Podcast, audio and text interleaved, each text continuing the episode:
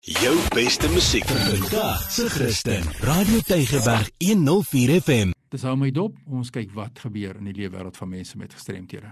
Iemand skryf vir my: "Julle verwys so na die wetgewing en in 'n vorige program het ons natuurlik ook daarna verwys. Maar wie is hierdie mense met gestremthede waarna jy verwys? Wie presies en wat presies is dit? Wie kwalifiseer as 'n persoon met 'n gestremdheid?" Ek het verwys en ons gaan hierdie paar programme die persverklaring van die Nasionale Raad van en vir persone met gestremthede in Suid-Afrika gaan ons bietjie volg en ons gaan kyk wat het hulle gesê en hulle het ook hier gepraat van persone met gestremthede.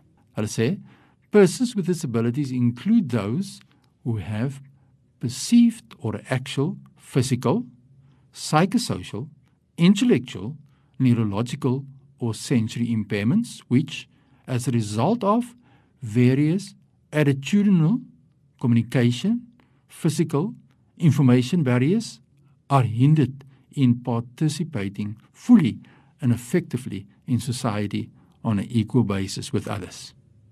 Nou dit is 'n mondvol. Wat beteken dit? Hulle sê hier persone met gestremthede is mense met sekere verliese en dan hanteer hulle die verliese. Die eerste een wat hulle na verwys is physical, die fisiese verlies wat 'n persoon het. Dit is die persoon in 'n rolstoel die persoon met krikke. Dis na wie hulle verwys.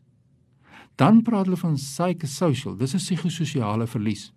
Nou dis minder sigbaar. Dis mense byvoorbeeld met bipolêre angsversteuring het, mense met depressie en ander verwante psigososiale toestande. Dan intellektueel is redelik beskrywend. Dan neurologiese verliese. Wat is dit? Dit is mense wat byvoorbeeld epilepsie het, mense met Parkinsons. En dan sensory impairments, sensories. Nou ja, sensories is 'n wye konsep. Jy het 5 sintuie. Dis nie net mense wat blind is nie. Dis nie net mense wat doof is nie. Daar's ook ander sintuie wat jy verlies kan hê wat kan lei dat jy 'n persoon met 'n gestremdheid is. Maar wanneer is jy dan nou 'n persoon met 'n gestremdheid as jy nou hierdie verlies het? En dit is die tweede gedeelte van hierdie het die standpunt van die nasionale raad deur te sê daar is verskeie struikelblokke. Hulle noem dit barriers.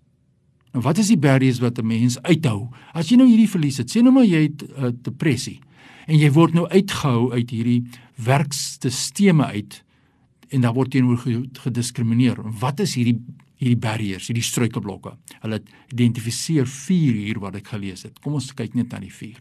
Die een is attitudinal barriers. Dit is mense se houding. Mense is bang. Dis 'n houding. Hulle is bang vir mense met gestremthede. Dit hou mense uit die werkplek of uit die omgewing uit. Tweede, daar's kommunikasiestruikelblokke. Kommunikasie, byvoorbeeld, as mense wat doof is en nie gebaretaal tolk nie.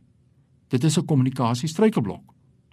Dan is daar fisiese struikelblokke wat ons almal ken en dit is wat ons voorsiening maak die meeste van die tyd. Want ons kan sien iemand is in 'n rolstoel, ons kan sien hy kan nie by die deur ingaan nie, ons daar's nie 'n oprit nie. Nou maak die mense net vir daai fisiese struikelblokke voorsiening, maar hulle kyk nie na die ander nie. En daarom is baie geboue toeganklik vir rolstoele, maar vir die ander gestremdes is dit glad nie toeganklik nie, omdat ons meer fokus op die fisiese. So ons moet kyk na houdings, ons moet kyk na kommunikasie struikelblokke, fisiese struikelblokke en dan moet ons ook kyk na die sensoriese struikelblokke wat ons veroorsaak deur inligting wat nie beskikbaar is nie en kommunikasie wat nie beskikbaar is nie. So dit is die struikelblokke. So gestremdheid sit nie binne in die persoon self nie.